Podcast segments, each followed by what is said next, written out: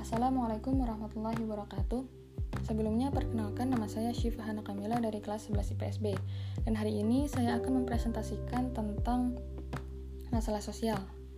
Nah, masalah sosial sendiri merupakan suatu ketidaksesuaian antara unsur-unsur kebudayaan atau masyarakat yang membahayakan kehidupan kelompok sosial atau menghambat terpenuhinya keinginan-keinginan pokok warga kelompok sosial tersebut sehingga menyebabkan kepincangan ikatan sosial. Masalah sosial timbul dari kekurangan-kekurangan dalam diri manusia atau kelompok sosial yang bersumber pada faktor-faktor ekonomis, biologis, biopsikologis, dan kebudayaan. Semakin hari, permasalahan sosial ekonomi yang ditimbulkan akibat COVID-19 semakin terlihat nyata bagi masyarakat. Dan di sini saya akan menjelaskan e, beberapa masalah sosial ekonomi yang terjadi akibat COVID-19. Yang pertama ada angka kemiskinan dan pengangguran meningkat.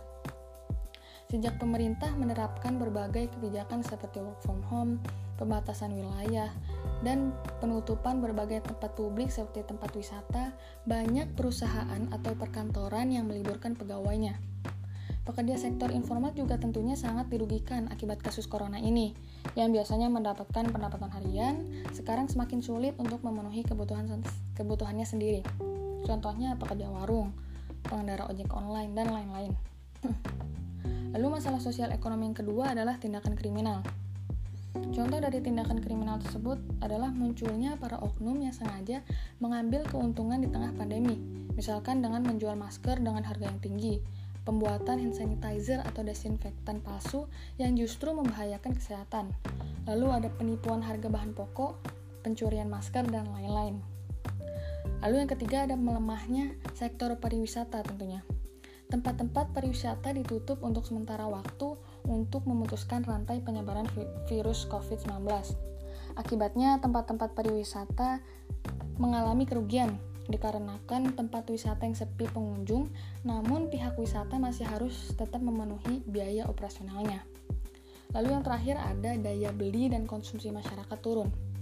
Turunnya inflasi yang menyebabkan daya beli dan konsum konsumen masyarakat turun. Inflasi merupakan kenaikan dari harga barang dan jasa yang salah satunya disebabkan oleh melonjaknya permintaan. Inflasi tersebut bisa turun karena berkurangnya permintaan barang dan jasa sebab banyak industri yang tidak dapat melakukan produksi. Nah, itulah beberapa e, masalah sosial ekonomi yang terjadi akibat COVID-19. Mungkin hanya itu yang bisa saya sampaikan. Mohon maaf jika ada salah kata. Wassalamualaikum warahmatullahi wabarakatuh.